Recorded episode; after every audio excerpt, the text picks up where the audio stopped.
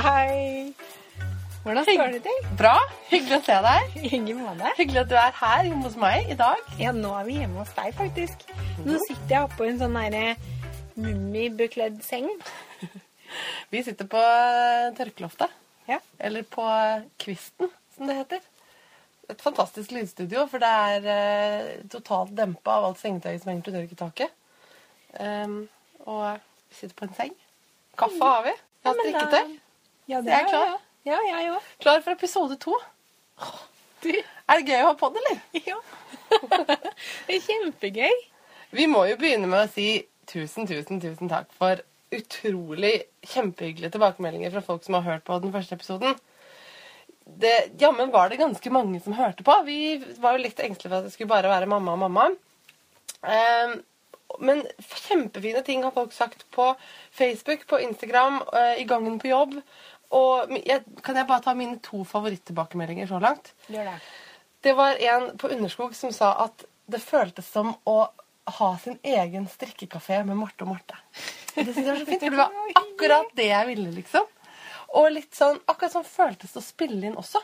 Som om vi var på en kjempehyggelig strikkekafé. Bare at vi ikke liksom visste hvem de vi var sammen med, var. Ja. Og den andre eh, favorittilbakemeldingen, det var min egen far, da.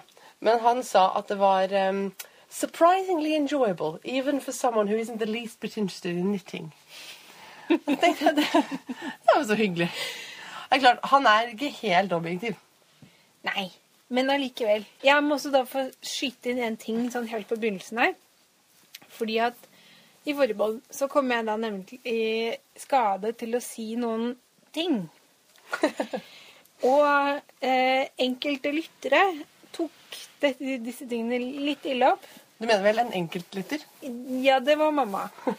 Eh, jeg tror ikke det gikk dypt inn i sjela hennes akkurat, men eh, jeg skal da altså love å prøve å la være å si faen.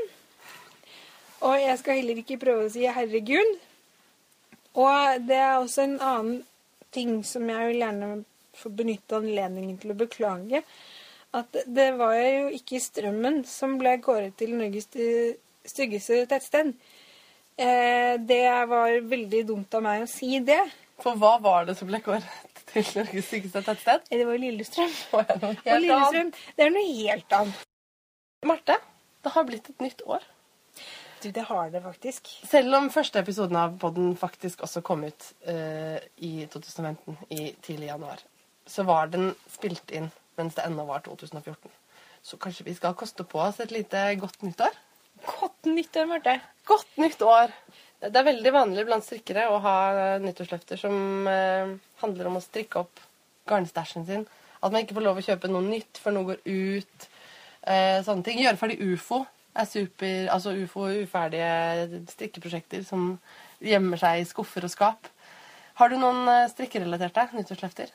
Altså, jeg tilbrakte da jula og nyttårsaften i Italia. Med familie og italienere og familie og italienere. Og før jeg da skulle dra og være hos svigerfamilien i 14 dager, da følte jeg veldig behov for å planlegge strikkingen veldig, veldig nøye.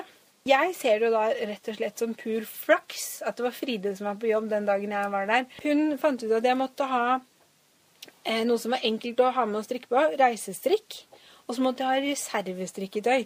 I tilfelle jeg skulle bli ferdig med det første strikketøyet før jeg kom hjem. Smart. Ja, sant? For jeg endte altså med å kjøpe garn til topp ned-toppen til Bils. Og så i reserve så er det en frøken seilergenser i burgunder. Det som skjedde, var at det tok meg nøyaktig én uke å strikke topp ned-toppen. Og så var jeg da, takket jeg både det som fantes, da, og spesielt Fride, for at jeg hadde strikketøy til. Så jeg fikk da strikka halve seilergenseren også mens jeg var der. Halvannen genser. Ja. Wow! Det går fort, da. disse her. Det er jo sånn rett strikk og enkle greier. Jeg skjønner at det, det er det, dette som må skje i livet mitt. At jeg må begynne å strikke sånne ting isteden, sånn at jeg blir ferdig med ting. Ja. Jo, jo, ja, men herregud, det er altså Unnskyld, mamma. det er jo Det er glattstrikk Men her- det er ingen som blir støtta herregud lenger. Herregud. Er det det? Unnskyld, mamma til Marte. Jeg vet ikke. Noen blir nok det. Men, eh, jeg, Men det er ikke vondt ment. Nei, det er ikke vondt, men det er det ikke. Det er, jeg bare går videre, jeg nå. Ja, vi bare Ja. går videre. Ja. Det var lurt. I hvert fall jeg satt og strikka denne Frøken Særlig-genseren i den nydelige burgunderfargen, så kom jeg på da at eh, jeg hadde da noen rester hjemme som hadde blitt veldig fine sammen i en liten Frøken Særlig-genser. Og så er det da en liten frøkenseiler som har bursdag nå på onsdag. Sånn at da jeg kom hjem fra ferie, da strikka jeg en liten frøkenseiler også.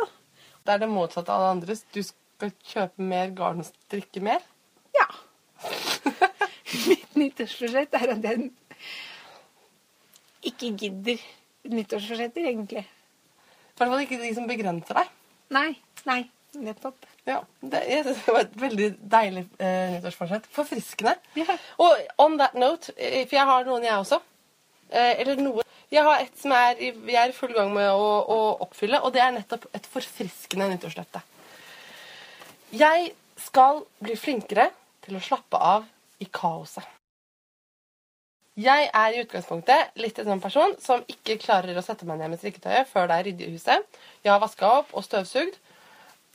Og resultatet av det er at jeg rydder og vasker hele kvelden etter at jeg har lagt barna. Og så rekker jeg ikke å strikke i det hele tatt før jeg må legge meg. Og det funker jo ikke. Man kan jo ikke ha det sånn. Fordi da, Så går jeg og legger meg, og hvem er det som uh, har noe nytte av at huset er ryddig og reint da? Så nå har jeg uh, slutta med det. Ikke helt, altså. Jeg har ikke helt slutta å rydde. Det, det hadde vært en, et interessant prosjekt, det òg, men det tror jeg vi tar en annen gang. Men jeg lar ofte f.eks. en del av oppvasken stå. Eller jeg dropper å plukke opp Brio-togbanen. Så står Brio-togbanen der til dagen etter. Så drar vi i barnehagen, så kommer vi hjem fra barnehagen, så står Brio-togbanen fremdeles der. Og det går helt greit, gitt. Folk fortsetter å puste og leve og i det hele tatt. Så nå bare på kveldene så bare setter jeg meg ned i stolen, tar ut den bunken med barnebøker, legger den på gulvet ved siden av. Tar, rydder en liten plass oppå bordet til kaffekoppen. Og så setter jeg meg der og strikker. Og det er så deilig.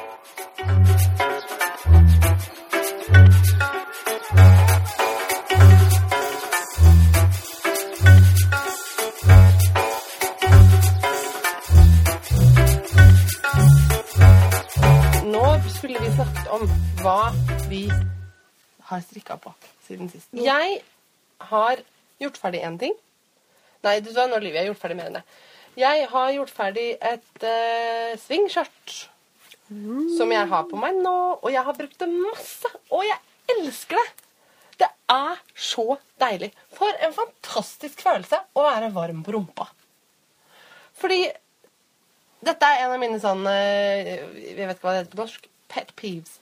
Jeg er ekstremt Kjepphester. irritert Ja, kjepphest. Akkurat. Jeg er ekstremt irritert på at dameklær ofte er så utrolig teite og ufornuftige og upraktiske. Nå høres det ut som jeg er en sånn der eh, ekkosko-dame, men altså, altså Vi trenger ikke å snakke om høye hæler engang. Olabukser som sitter så absurd lavt på, på hofta at hele rumpa hopper ut når du skal knytte skolissa. ikke sant? Og bare trange bukser som, er, som holder beina iskalde når du venter på bussen. Det er så mye sånn sånn som ikke funker. Det var, f- altså, når jeg var gravid, så plutselig så kjente jeg at Gud, så deilig å ha klær som er laget for den kroppen du har. For da gikk jeg med gravidklær, ikke sant? og de er jo laget for at du skal ha en stor mage. Eh, men det er jo bare det at når man ikke er gravid, så har man jo ikke nødvendigvis en kropp som passer inn i de der teite klærne likevel. I hvert fall har ikke jeg det, da. Men derfor, strikk dine egne klær. Strikk ditt eget fantastiske skjørte med elastikk i livet, som du kan sette hvor på hofte-midjeregionen du vil. Og vær varm på rumpa når du venter på bussen, og hele dagen. Og så har jeg et par strikka alpakkabukser. Så når det er skikkelig svinekaldt, så tar jeg de under skjørtet på vei til jobben. Har du det? Mm. Fordi det, det har vi snakka litt om, eh, noen av oss som jobber i butikken. Strekke bukser, ja eller nei? Jeg sier drungende ja. Mm. Problemet er bare at det Nøstebarns ribbebukser Ja. er et fantastisk plagg for store og små. ja. Og det, det som har vært bekymringen vår, da, det har vært at det, det er mye jobb å strikke bukser. Men da jeg skulle forberede meg til denne podkasten her, da leste jeg gjennom den fantastiske boken eh, Elizabeth Zimmermans 'Knitters Almanac'. som er veldig eh, nært våre begges hjerter. Ja. Den er helt fantastisk. Men der skriver hun da om å strikke bukser både til eh, unge eller små og store. Og hun sier akkurat det samme som deg. Når jeg skal gå i butikken, så har jeg slutta å bry meg om hvordan jeg ser ut. Så jeg tar på meg Men- underbuksene under skjørtet. Ingen som ser det. Men jeg sa ikke at jeg ikke bryr meg om hvordan jeg ser ut. For det er nettopp det som er greia med dette skjørtet og dameklær generelt og sånne ting, at jeg bare Altså, jeg bare trenger at klærne jeg har på meg, holder meg varm, først og fremst. Men altså, hvis det hadde vært det eneste kravet, så kunne jeg jo på en måte egentlig bare uh, pakka meg inn i et saueskinn. Og vet du hva? Da må jeg bare si at dette er sjøren meg et sånt jenteproblem, altså. Ja. Fordi har du, ser du veldig mye gutter med glipp, eller? Det er liksom greit å, å ta på seg sokker og lue hvis du er mann, men damene de går rundt og fryser. Ja. Bare tull. Slutt med det. Strikk deg et skjørt. Ja, men det jeg egentlig snakker om, er hva jeg har strikka ferdig. Og egentlig så var det da jeg satt og liksom forberedte denne podkasten eh, i helga, så var det bare strikkeskjørtet som var ferdig siden sist. Men så har jeg hatt 39 i feber hele helga, og da har jeg egentlig bare ligget i senga, og jammen fikk jeg strikka et sjal. Som jeg har over skuldrene akkurat nå. fordi da du kom, så sa jeg at jeg skal bare opp og hente det sjalet som jeg skal rekke opp. fordi jeg hadde tenkt å rekke det opp i dag. Men nå er jeg jammen ikke sikker lenger. Jeg syns det er fint, det, Marte. Det ble bare annerledes enn jeg hadde tenkt. Så Nå må du tenkt beskrive dette sjalet litt, så Ja. folk skjønner hva du Jeg Hvordan fant- får man til å at jeg et hadde- sjal når man har 39 i feber? Man bruker super bulky garn og størrelse åtte pinner. Det var derfor jeg måtte begynne på noe nytt istedenfor å strikke på de tingene jeg gjorde fra før. For jeg var, hadde så høy feber at jeg så dobbelt, og fingrene føltes som sånn hovne pølser. Så jeg måtte bare ha noe som var sånn helt eh, stort og enkelt og litt sånn tankeløst. Så det ble veldig veldig fort ferdig. Jeg tror det er hele greia jeg strikka i løpet av et par timer. liksom. Oi. Det er veldig, veldig fint. Det er noe sånn Det er et hullmønster hullmønster nederst. En litt sånn kjempeblonde, liksom. Og så er det glattstrikka eh, litt oppover. Og så tenkte jeg at det skulle Hva bli heter mer det, dette mønsteret? sentiment. Ja. Eller noe sånt. Men vi lenker til det. Eh, garnet er eh, 70% økologisk ull og 30% alpakka. Og jeg ble litt sånn Etter alt mitt snakk om tynn ull og sånn, så ble jeg litt overraska over hvor glad jeg ble for å strikke i dette. Det var litt deilig. Det var så innmari godt og elastisk og mykt og rart. Og så ble jeg litt sånn forelska i fargen. Fordi den er litt sånn Hvis man liksom plukker litt i selve tråden og dissekerer den litt, så ser man at um, ullen, som altså er 70% er litt sånn døll militærgrønn. Men alpakkaen er en litt sånn her skarp og litt grusom syregrønn, egentlig. Bare vent, jeg, se her nå. Her er det en sånn dott med alpakka. Se på den. Den er jo egentlig kjempestygg. Den er jo sånn giftgrønn. Ja. Men de er så blanda, fibrene er så blanda i selve tråden, at den blir helt sånn til sammen blir det liksom gress og vakkert. Ser du, men det er det jeg mener at det nydelige og ekkelt blir veldig bra sammen.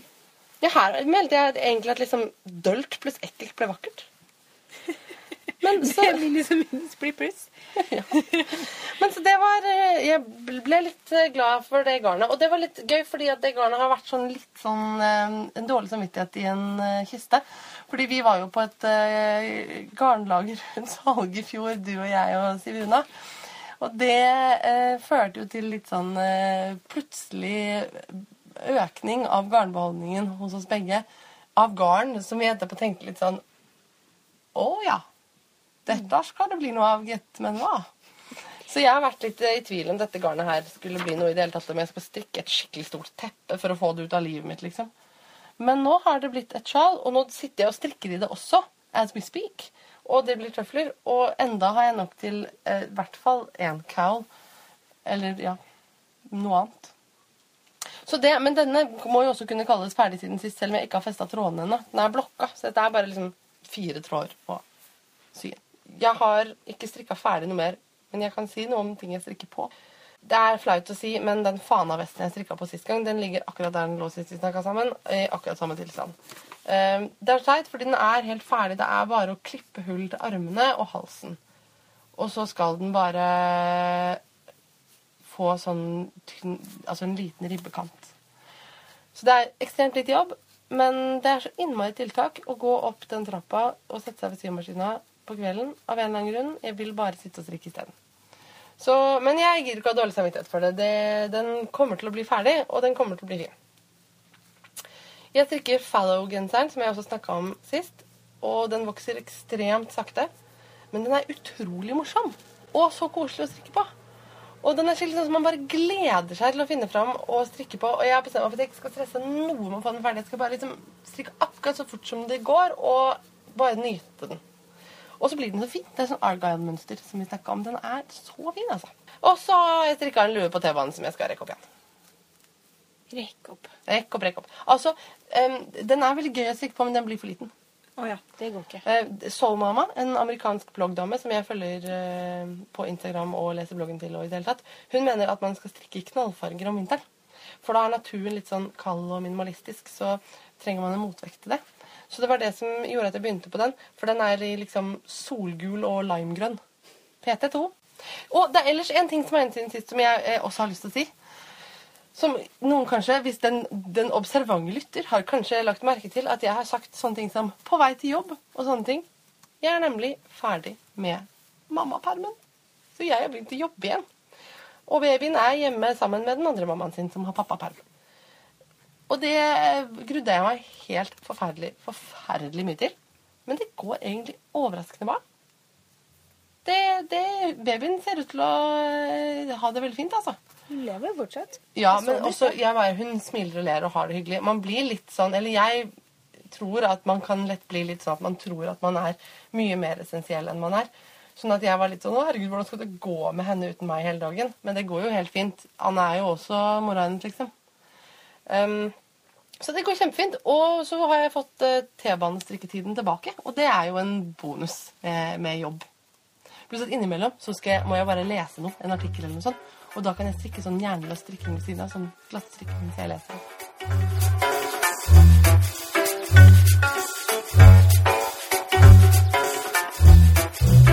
Quo vadis, Marte? Hvor, Eh, hvor ja, skal ja. du i strikkingen din? Å ja, hvor jeg skal Vet du hva? Det, det, der er det ingen begrensninger. Det er hele verden ligger for mine føtter. Ja, men ditt nyttårsløfte er det jo ingen begrensninger. Litt mer sånn spesifikt, da. Så er det, altså, jeg, jeg har jo litt garn liggende hjemme. Litt sånn rundt omkring. Jeg har to fine kurver og en litt større kurv. Den ene fikk jeg av mamma, så den har jeg faktisk lov til å fylle med garn. For det var en gave. Og så er det at jeg har en hemmelig garnstæsjrom som ikke Robbie vet om. Fordi jeg, da vi flytta inn i leiligheten der vi bor nå, i august, så måtte vi kjøpe mye møbler. Og han insisterte på å kjøpe en sovesofa, sånn at vi skulle ha plass til vennene oss når de skulle komme på besøk til oss fra Italia. Det er en, eh, den er fra Ikea, en helt sånn streit sofa, helt fin. Eh, treseter med en sjeselong. Og under den sjeselongen så er det da et hulrom hvor man kan putte dyner og puter og sånn. Eller så kan man putte en garn. så jeg er garn. Men hva, hva For jeg tror ikke at Robbie vet at det er et rom under der. Jeg tror han tror at det er bare sofa hele veien, men det er det ikke. Så når jeg sitter på TV-kvelden, så sitter jeg der som sånn høne og ruger på det deilige garnet mitt. Men han lever lykkelig da i troen at jeg bare har to kurver. Det er fantastisk. Ja, det er jeg veldig glad for. Jeg har drevet veldig lenge sagt at jeg, som, jeg har så, liten, eh, så lite sånn garnstæsj. Jeg, jeg har en kiste. Og det er så kjekt å ha den kista, jeg har sagt, fordi det er så praktisk at den, måte, når den er full, da kan jeg jo ikke kjøpe noe mer, liksom. Og så sa jeg det i en eller annen sammenheng hvor Anne bare Marte, hva sier du? Du har jo liksom fire kurver med garn stående rundt omkring på stua også. Og jeg bare Ja, men det er jo pent. Hun bare Ja, ja, men det teller jo likevel, liksom. altså, ja, jeg har putta det i kurver og satt det rundt i, i stua fordi jeg syns det er pent å se på garn i kurver. Men det betyr jo ikke at ikke den kista er full også. Så, jeg, Men det er du en har- helt annen så ting. forskjellen er at du har et, et garnstæsj som er hemmelig for kjæresten din, mens jeg har et garnstæsj som jeg ikke vet om selv. Vi har et tema vi har tenkt å snakke om, nemlig sokker. Det er um, mye å si om sokker. En sokk er ikke bare en sokk. Det var det da jeg var liten. Altså, Jeg vokste opp i en familie hvor strikka sokker er det samme som raggsokker. Og i min familie var de ofte stripete. De hadde gjerne, de var strikka i vrangbord hele veien, og de hadde eh, stort sett eh, hæler og tær i kontrastfarger. Sånn at du hadde blå sokk eh, med rød hæl og rød tå og sånne ting. Og så eh, var de strikka Altså vrangborden var to rette, to vrange i skaftet og på oversiden av foten med glattstrikk under foten. Og hvis det ikke var nylonforsterka garn, i utgangspunktet, så strikka man inn en sytråd i hæl og i tå. Men det er ikke alle strikkesokker som ser sånn ut. Det fins sånne lette, tynne sokker med vakre, vakre mønster. Fugler og blader og blonder og jeg vet ikke hva. I tynt, tynt, supermykt sokkegarn. Og mitt spørsmål da til, Altså, ikke sånn generelt, men for meg selv er liksom Skal jeg legge så mye jobb i noe som jeg stapper ned en tøvel? Det Gjør du det? Nei.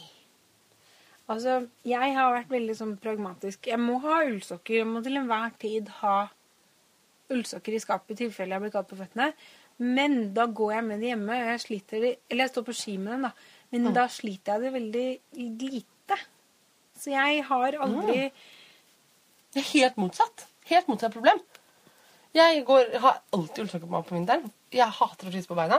Og jeg går med de i, inne og i sko og i alt. Og jeg går hull på tær og hæler hele tiden. Og jeg går hull, og jeg stopper, og jeg går hull, og jeg stopper.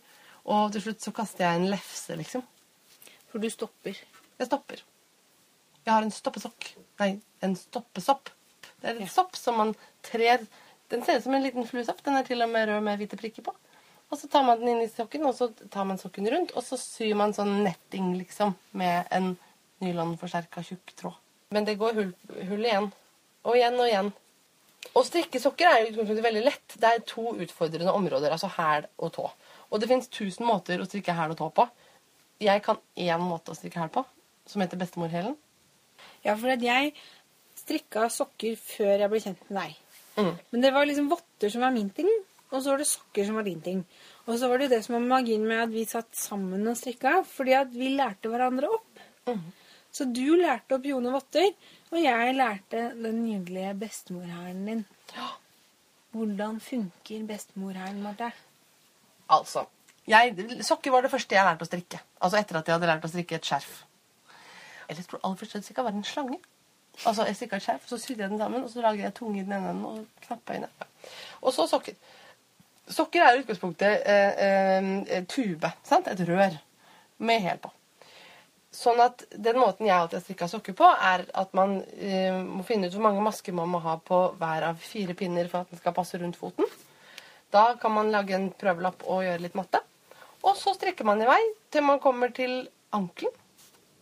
Og når man kommer til der hvor hælen skal begynne, da strikker man Da lar man to av de fire pinnene bare være. Og så strikker man frem og tilbake på de to resterende pinnene til man er ca. to rader fra så lang som hælkappa skal være. Og på neste omgang da så feller jeg sammen de to siste maskene på den ene pinnen og de to første på den andre. Altså de maskene som er i midten. Og dette er sånn at ikke hælen skal bli en 90 graders vinkel, men en litt bua. sant? Og så strikker man hælen sammen på undersiden. Og det man gjør da, er at man strikker to masker sammen. Vrangt på retta og rett på vranga. Og så snur man for hver gang man strikker to sammen. Så man holder med vrangsiden mot seg, og så tar man og strikker to masker rett sammen. Og så snur man hele greia rundt, og så med rettsiden mot seg, og strikker to masker vrangt sammen. Og det som er viktig, er at man hele tiden holder tråden på samme siden av garnet. Nei, av nei, tråden på samme siden av strikketøyet. Det høres veldig vanskelig ut når jeg sier det, hører jeg. Men jeg kan ikke forklare det på en annen måte, for det er sånn man gjør det i min verden. Og så etterpå så plukker man opp masker langs den kanten. Man får en skrå kant Ja. der, sant? Du sitter igjen med én maske Du hadde, la oss si, 20 masker Så på de to pinnene. Og så har du strikka den igjen hele retningen, og så feller man Så man får en skrå kant, og du sitter igjen med én maske midt Altså, du, under. du feller jo på en måte ikke på du, du feller jo ved å strikke sammen to Ja. og to på undersiden. Og da sitter du igjen med to masker, eller du kan felle de også. Og da må du plukke opp på liksom, sidene der hvor du ikke har noe strikka. Og så må du bare strikke videre på der og på de to pinnene som henger der, til man kommer til omtrent tåballen, og så feller man til en tå. Greia er, Ja, det, det blir ikke sånn sånn som man tenker, fordi at denne hælen her er jo en firkant. Ja, det er sant, det. Det er jo ikke en skrå linje der man plukker opp masker. Den er jo helt rett. Men i hvert fall, hele poenget mitt, jeg skal ikke holde Martes helskole her nå, for da tror jeg i så fall at vi må lage en instruksjonsvideo. Hvis noen er interessert i det, så for all del, da skal jeg lage bestemorhæren. For jeg aner ikke om denne hælen har et navn, eller om noen andre strikker denne her. Det hadde egentlig vært interessant å vite. Hvis noen andre strikker en hæl som er sånn som den jeg nettopp har fortalt om nå, så si ifra, da. Og si gjerne fra hvis den heter noe. Fordi jeg har bare lært den av mamma og bestemor, så vis dere ikke sånn her. Men det er jo eh, for lite, kanskje, å kunne én hæl. Jeg vet ikke. Den har funka for meg hittil. Men jeg er jo litt eh, nysgjerrig på disse andre hælene. Kanskje de også har noe for seg. Så jeg har kjøpt en bok, og den er kul. Den heter Sock Anatomy. Dissecting Socks. Heels and Toes. Og forfatteren heter Claire Devine. Det er i hvert fall forfatternavnet hennes. Hun kommer fra Sør-Afrika, bor i Edinburgh. Hun har en blogg som heter yarnandpointysticks.com. Og den er veldig kul. Hun har designa ganske mye mønstre. Og hun fins på Ravelry også, som Yarn Eller gjør hun det? Hun fins i hvert fall som designer, som Claire Devine. Eh, boka den har følgende eh, misjon. Den inneholder oppskriften på ni forskjellige eh, babysokker. Altså fra baby til liksom, lite barn. For at man skal kunne lære seg ulike hæler og tåfellinger. Og eh, sokkemønstrene kan strikkes både fra topp til tå og fra tå til topp. Hvis du skjønner hva jeg mener med det. Og det syns jeg var utrolig gøy. For jeg bare, å, jeg fikk kjempelyst til å begynne med tærne. Jeg har aldri gjort det. Den inneholder eh, skal vi se, en, to, tre forskjellige hæler og tre forskjellige tær. Og de tre forskjellige hælene heter heel flap, short row heel og afterthought heel. Og tærne heter wedge toe, star toe og round toe. Det er veldig praktisk at det er små størrelser. Fordi da kan man strikke flere og finne ut hva man liker best. Eh, pluss at små barn de sliter ikke sokkene sine sånn som jeg gjør. i hvert fall. Så de blir ikke så fort utslitt. Og da er det jo ekstra gøy å lage litt sånn intrikate mønstersokker. Altså Foreløpig har jeg ikke strikka. Jeg har bare lest. Men jeg tenker at dette er et perfekt restegarnprosjekt. Så det tenkte jeg at jeg skal gjøre framover. Jeg skal strikke noen sokker til barna mine. Med litt forskjellige hæler og tær og litt eh, ovenfra og nedenfra og sånn. Så forhåpentligvis i neste pod så kan jeg vifte fornøyd med i hvert fall, hvert fall et par sokker. tenker jeg. Det er planen. Og dette ble jo en slags bokanmeldelse. Og det er jo fint. For det kan vi jo ha innimellom. Og 2014 føltes virkelig bare som eh, strikkebokåret for meg. Det er herregud så mye bøker det kom ut i fjor som jeg har lyst på. Og akkurat denne boka kan kjøpes som e-bok på Ravelry.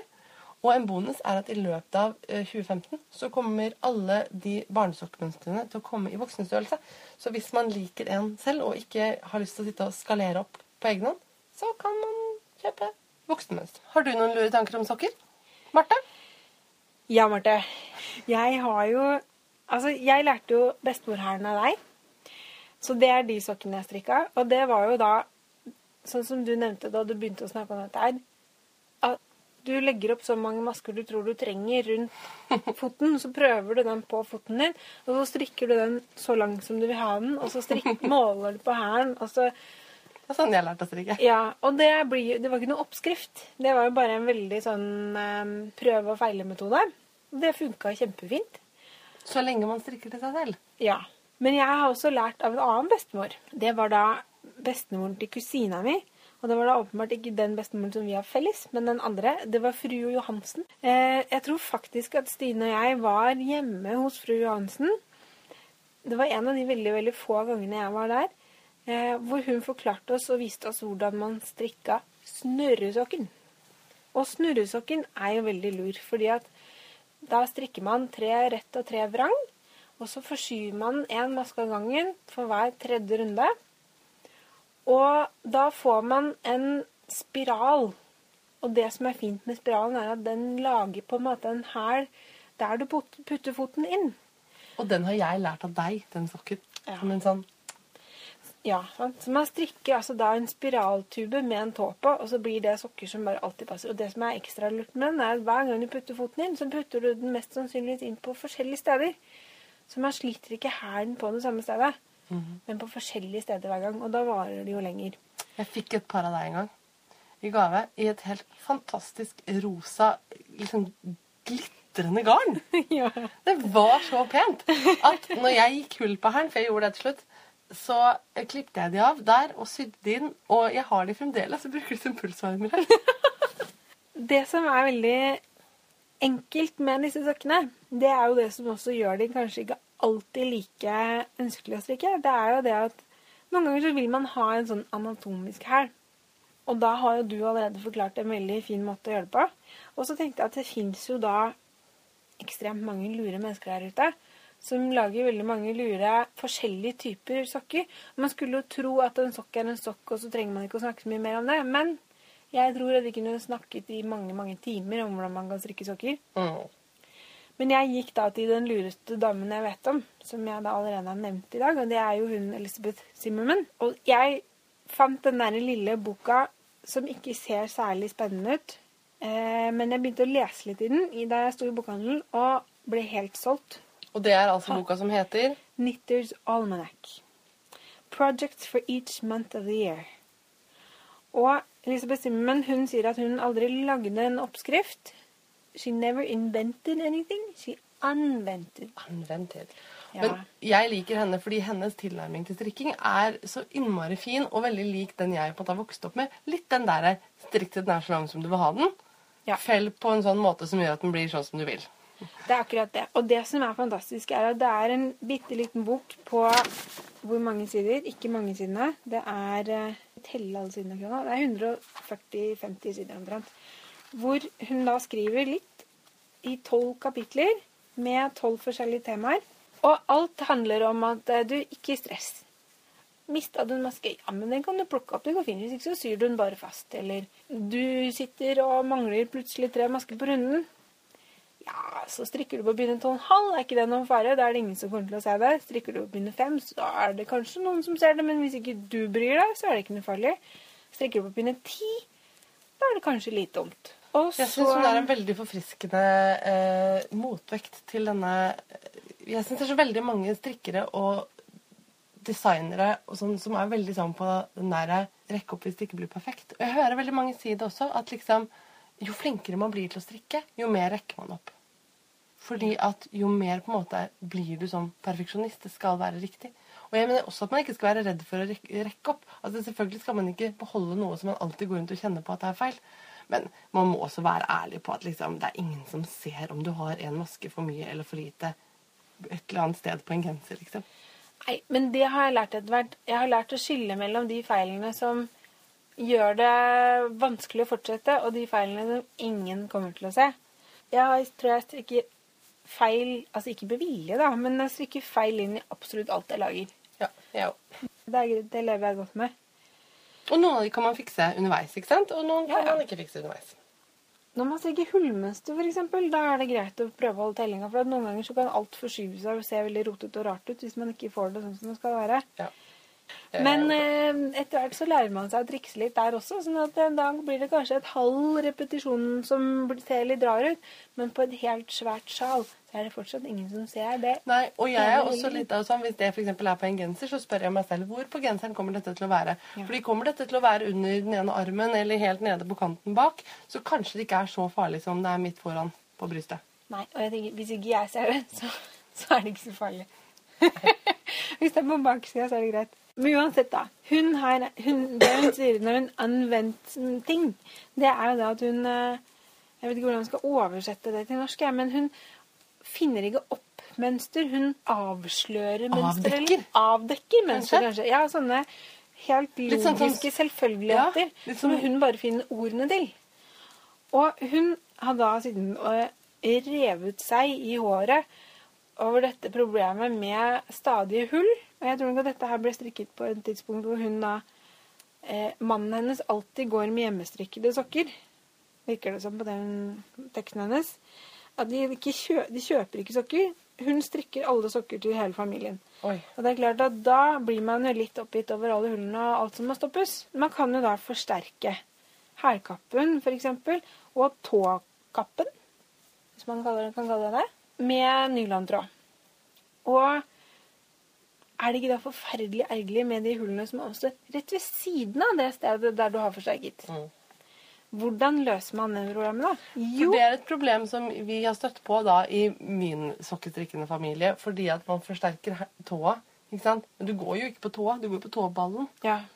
Mens hvis du skal forsterke hele foten da, med sytråd, så blir det mindre pent og litt upraktisk. Og, ja. Ja, for Hvis du da strikker i én farge i skaftet på sokken, og så skal du strikke hælen i én farge, det kan man godt gjøre. Og så skal du strikke selve sokken, så får du plutselig da inn denne forsterkningsånden som kanskje er en annen farge. Og så blir alt dette seende rart ut. Så det hun da har kommet opp med, det er det hun kaller mokasinsokken. Som altså er en veldig sånn eh, snedig måte å strikke sokk på, sånn at du strikker i skaftet.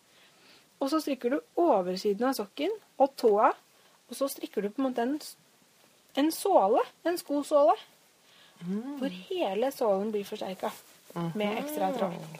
En annen ting er at da er det veldig lett å ta av den siste sålen og skifte hvis det går hull. Og strikke en helt ny. Og strikke en ny såle.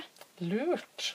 Og det, det gjør man da altså ved at du strikker først toppen, og så strikker du, feller du den der skrå linja som jeg prøvde å forklare i sted, sånn at du får kommer deg ned til oversiden av sokken, lesten liksom. Mm. Og så strikker du den helt flatt fram og tilbake, og strikker felling til tåa på en eh, veldig snedig måte. Altså du feller på hver side på tre punkter. Du feller på hver side av foten og midt på. Og så strikker du den Ja, du beholder de maskene du har der, og så plukker du opp masker da langs med kanten av hele foten hele veien rundt. Og så strikker du rundt og rundt, og så vever man til slutt sammen under. Oi. Det hørtes jo ganske omstendelig ut, da. Det høres litt omstendelig ut, men jeg tror det er ganske enkelt, og jeg tror det går ganske fort. Og mens vi har sittet her nå, så har jeg strikket da skaftet og begynt å strikke på lesten. Så jeg tenker at For jeg tenkte det her må jeg teste ut. Fordi da jeg begynte å lese om det, så skjønte jeg ikke hvordan det her henger sammen. Så jeg skal prøve det, så kan jeg fortelle resultatet etterpå. Gøy. Ja. Det vil si at neste pod, da skal vi høre hvordan det har gått med Martes mokasinsokker. Og så skal vi høre hvordan det har gått med Martes lære seg nye hæl på barnesokkprosjekt. Jeg tenkte at jeg skulle strikke noen barnesokker. Herlig Marte. det. Herlig. Det blir herlig. Eh, jeg tenkte jeg skulle strikke opp noen sokker, og så skal jeg finne en, som, en, liksom, en av dem som jeg kanskje syns var gøyere enn de andre. Mer gøy, som det også heter. Og så skal jeg lage en til meg sjøl. Jeg er veldig interessert i å høre mer om tå opp. Fordi at det er veldig kjekt når man skal bruke opp garn, Mm, og ikke helt vet hvor mye man har. mye hvor Fordi det er lettere å For da, det, det er lettere å strikke en litt kort en sokk enn en sokk uten tå. Ja. Det er litt, litt anvendelig, kanskje. Ja. Selv om det fins såkalte yoga socks Ja. som ikke har hæl og ikke har tå. Men jeg synes det er helt tullete, for jeg er alltid kalt på enten tåa eller hælene eller begge deler. Men det er ganske deilig hvis man for eksempel skal gjøre yoga og være bar barbeint. Ja da. For det er varmere å være barbeint, men med litt ull på, på den kalde foten sin når man gjør yoga i januar. Jeg har nemlig et nøste. Et nøste som venter på å bli et sokkepar til meg. I en veldig, veldig, veldig, veldig pen eh, rosa melert liksom, på farge. Som jeg kjøpte på en bitte liten pussig garnbutikk i en engelsk landsby som heter Rye i sommer. Hvor jeg, eh, det, en, det er en fantastisk dame som driver den butikken. som er sånn, Hun vever og, og vever store bilder og har eh, veldig fargerike klær på seg og farger garnet selv. Og er veldig inspirerende og kul. Og så snakka jeg med henne om eh, fibertyper. Og vi snakka om eh, hva man kler barna sine i. Eh, Vi har jo snakka om bomullsbarn og ullunger, eh, som eh, jeg syns er det beste. Eller naturmaterialer er det jeg liker best, da. Og så sa jeg bortsett fra sokker, da, for der er det jo nesten umulig å få sokker som holder hvis de ikke har noe syntetisk i seg. Hvor hun sa nei, nei, nei, nei, nei. Bambus. jeg vet ikke, jeg. altså Jeg veit ingenting om bambus. Men jeg har nå fått dette nøstet, da. Som er 100 Nei, som ikke er 100% ull, men som er ull med litt bambus. Nei. Som hun mente at var sterkt nok til å strikke sokker. Så jeg tenkte dette må jeg jo teste. Og det er veldig pent garn, så jeg må jo strikke noen pene sokker. Bambus er jo et fantastisk materiale fordi at det vokser så fort, og det er veldig sterkt. Så det er også veldig bærekraftig. Bærekraftige sokker. Men er det bærekraftig? Eller strikker jeg opp maten til pandaen? Nei, fordi at bambus vokser med typ Ok, nå skal jeg ikke si akkurat hvor mye, men 10 cm om dagen eller noe. Så har du en liten flekk, la oss si 1 kvadratmeter, så kan du dyrke veldig mye bambus veldig fort. Uten at du tar opp plassen til andre ting, f.eks. Jeg hører at du sier dette, og jeg tenker at dette kan jeg også sjekke. Dette kan vi sjekke opp og snakke mer om. Bam jeg har nemlig tenkt på bambus en del mest i forhold til parkett. Det trenger vi ikke å snakke om akkurat her. Men bambus har visstnok også antibakterielt. Og veldig bra å bruke i f.eks. håndklær. Fordi at det Håndhåndklær, f.eks. holder lenger bedre fordi at det er hvis det er bambus i det. Men dette her Fantastisk. vet jeg ikke så mye om. Men jeg tenker hvis man da klarer å lage garn, slitesterkt garn av bambus og ull til sokker, så høres jo det helt fantastisk ut. Kanskje det, dette må vi sjekke opp, forske på. Hvor bærekraftig er bambusgarn? Ja.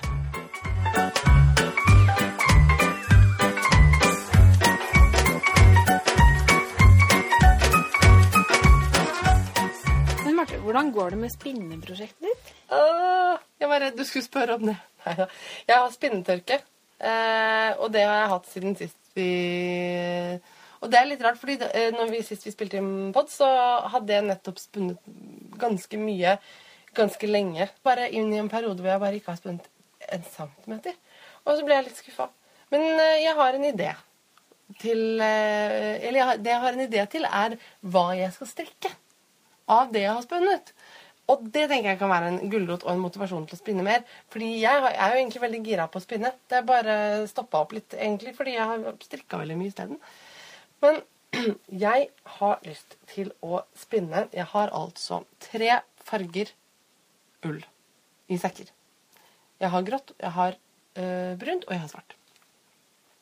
Og jeg tenkte at jeg har lyst til å strikke et stort sjal av typen Shetland Hab, hvis det sier deg noe. Altså sånne tradisjonelle shetlandske sjal som var, em, var er De er Egentlig skal de være firkanta. Og så skal de brettes da så det blir en trekant. Tjukt. Også da av sånn uh, god, stikkete, sauete, nesten brekende ull. ikke sant? Og så skal du binde den rundt deg sånn over skuldrene, og så i kryss over magen og så bak når du er ute og jobber i blasten på Shetland og kutter torv som du skal fyre med for å holde familien varm. ikke sant? Ja. Et sånt stort, grovt utesjal. Og så har de ofte sånn um, Mønsteret er typisk sånn bølgende med hull i. ja. Også med en sånn blondekant ytterst på kanten. Sånn at selv om det er sånne grove utendørsplagg, så er det litt sånn fine lace-detaljer i det. Og jeg tenkte at det hadde vært utrolig fint å gjøre i liksom de tre sauefargene stripete. Tenk så fint det kunne blitt! Ja. Som jeg kunne ha på meg når jeg er ute og går tur med hundene på en kald vinterdag. ja. Det blir jo ikke et, et mykt sjal til å ha i halsen. ikke sant? Dette blir et, et, et helt plagg, plagg for liksom overkroppen. Og det er jo helt enormt, så jeg må spinne sykt mye. Jeg har jo bare spunnet liksom Dr. Kanten.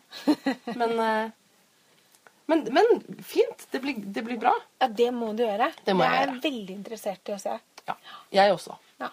Så det er bare å spinne. Jeg har en, en bitte liten håndtegn som jeg tenkte egentlig jeg skulle ta med på jobben.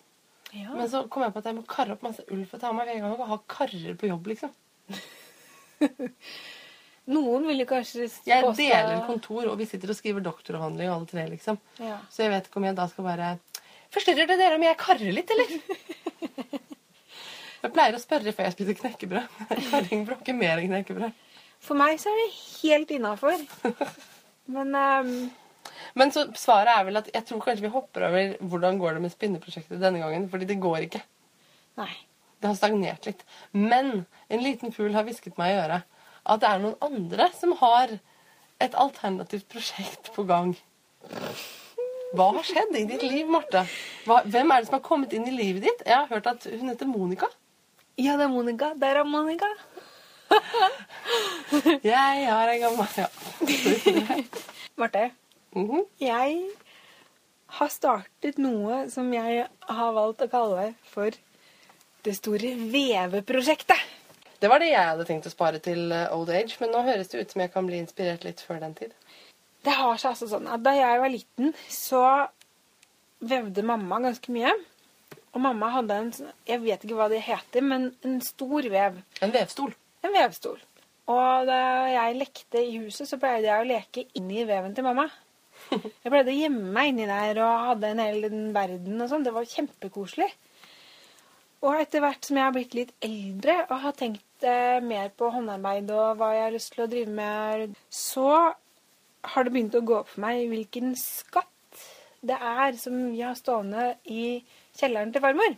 Så jeg har Wow. de siste årene mast på mamma og pappa om at de skal hente opp den veven og sette den sammen igjen. Men så har jo da mamma vært klok som vanlig og sagt at eh, vi, det er litt dumt å prøve med den, for den er så stor. Det er mye jobb å sette den opp og alt sånne ting. Men at en Monica-vev hadde vært flott å begynne med. Og en Monica-vev, det er en vev som er liten, men stor. Det er, den er altså liten nok til at man kan ha den stående på et bord, men den er også stor nok til at den er nesten like stor som et bord. Og det betyr da at man kan veve liksom litt ordentlige ting på den. Man, jeg vet ikke helt hvor eh, bredt man kan veve, men jeg tror det begynner å nærme seg kanskje en halvmeter. Jeg vil tippe at veven i seg selv kanskje er en meter brei omtrent. Det som da skjedde, var da at mamma og pappa har noen venner som har arvet en vev fra en gammel tante eller noe. Og de Som heter Monica. Jeg vet ikke hva tanten heter, men hun hadde i hvert fall da altså, De var veldig snille og skjønte at mamma var interessert, så de ga bort hele solamitten til mamma. Og det var Wow. da vev med garn og alt utstyr. Og mamma har da Hun har da fått pappa til å snekre et eh, understell til den, sånn at den står helt eh, av seg selv. Og i dag ringte hun meg og fortalte at hun er ferdig med det første webprosjektet. Oi, hva er det? Det er et skjerf. Hun har da brukt Rauma finull til renningen, som er da det, Ja. Det man vever i. det man vever i. Og så er det innslag, det man eh, vever, den der vevskjea som man drar fram og tilbake mellom disse trådene. Og vi eh, har testa da litt forskjellige teknikker med litt forskjellig garn. Og mamma har da gått med på å lære meg opp i alt dette her. Og nå når hun har da testa ferdig, liksom, så skal jeg også få lov til å begynne å veve. Det er jo så gøy at eh, jeg vet ikke hvor jeg skal begynne engang. Det er så mye kunnskap som skal til for å klare å sette den opp. Og alt dette her, det er en sånn deilig pakke av kultur og tradisjoner og historie som jeg gleder meg til å lære mer om. Og det som da plutselig slo meg da mamma fortalte at hun brukte Rauma finull, det var det at man kan jo veve i strikkegarn. Mhm. Man kan jo strikke videre på det man har vevet sånn. på. Altså at du vever noe, og så kan du plukke opp masker og strikke videre i samme hvis man garn. vil det, liksom. Ja. Og så tenk så deilige skjerf man kan veve, og mm -hmm. jakker og Man lager jo stoff sånn, så man kan sy sammen til større ting. Det er en hel verden der som åpner seg. Jeg er kjempegira. Og så syns jeg det er så fint med sånn fiskebeinsmønster, eller sånn når man vever Ja, altså når man vever mønster ikke i, farve, men i liksom tekstilet. i struktur. Ja, Utrolig godt. det syns jeg er fint. Jeg skjønner ikke hvordan man gjør det, men det Men det er kjempeenkelt, egentlig. kan. Jeg kan ikke fortelle om det, for det skjønner jeg ikke helt selv ennå. Men mamma viste meg, og det er jo det er virkelig ikke noe hokus pokus. Det som er veldig vanskelig å veve, er jo brokademønster, f.eks., hvor man bruker um, eh, Ja, du vever i samme farge, men man bruker disse forskjellige lagene og greier til å veve inn mm. retninger som lager mønster. Da. Det er jo ikke akkurat noe jeg har tenkt å begynne på. Foreløpig så har jeg tenkt en renning i en farge og innslag i en annen farge, og så blir det fint. Ja. Målet er jo selvfølgelig å få opp vevestolen etter hvert. Og Kunne Ja. lage større ting. Å, tenk å sitte inni der Ja. og bare veve, Og høre på podkast. For eksempel. Kanskje drikke litt vin.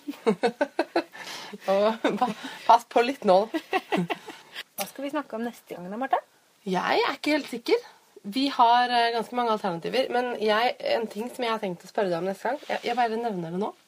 Eh, så du kan tenke på det til neste gang vi skal snakke sammen. Jeg Ja. tenkte å spørre deg om hva er det fineste du har strikka noen gang? Ikke svar nå. Tenk til neste gang. Jeg, en ting som jeg tenkte jeg skulle si nå, som vi ikke sa tydelig nok i forrige pod, er eh, liksom alle stedene vi fins.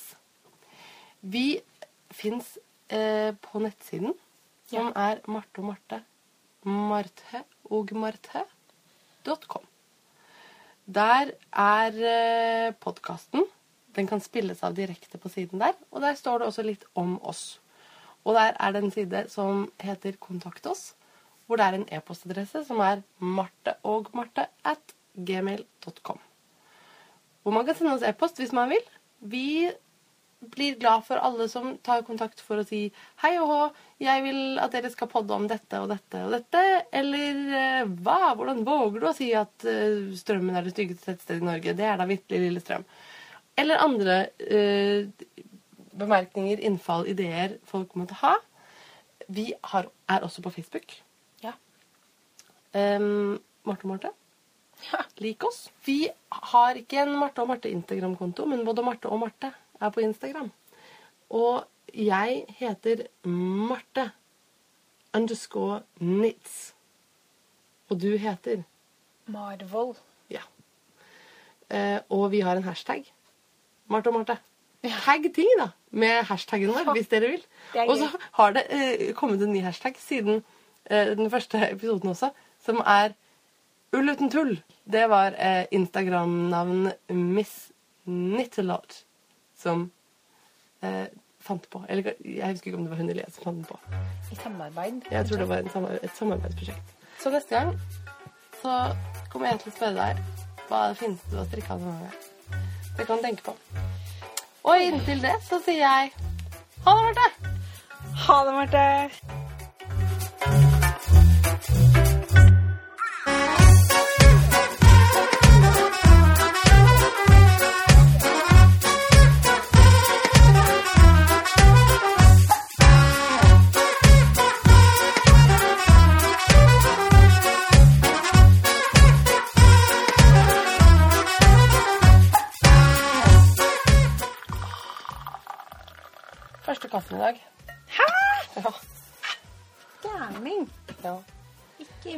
Gavekopp i dag.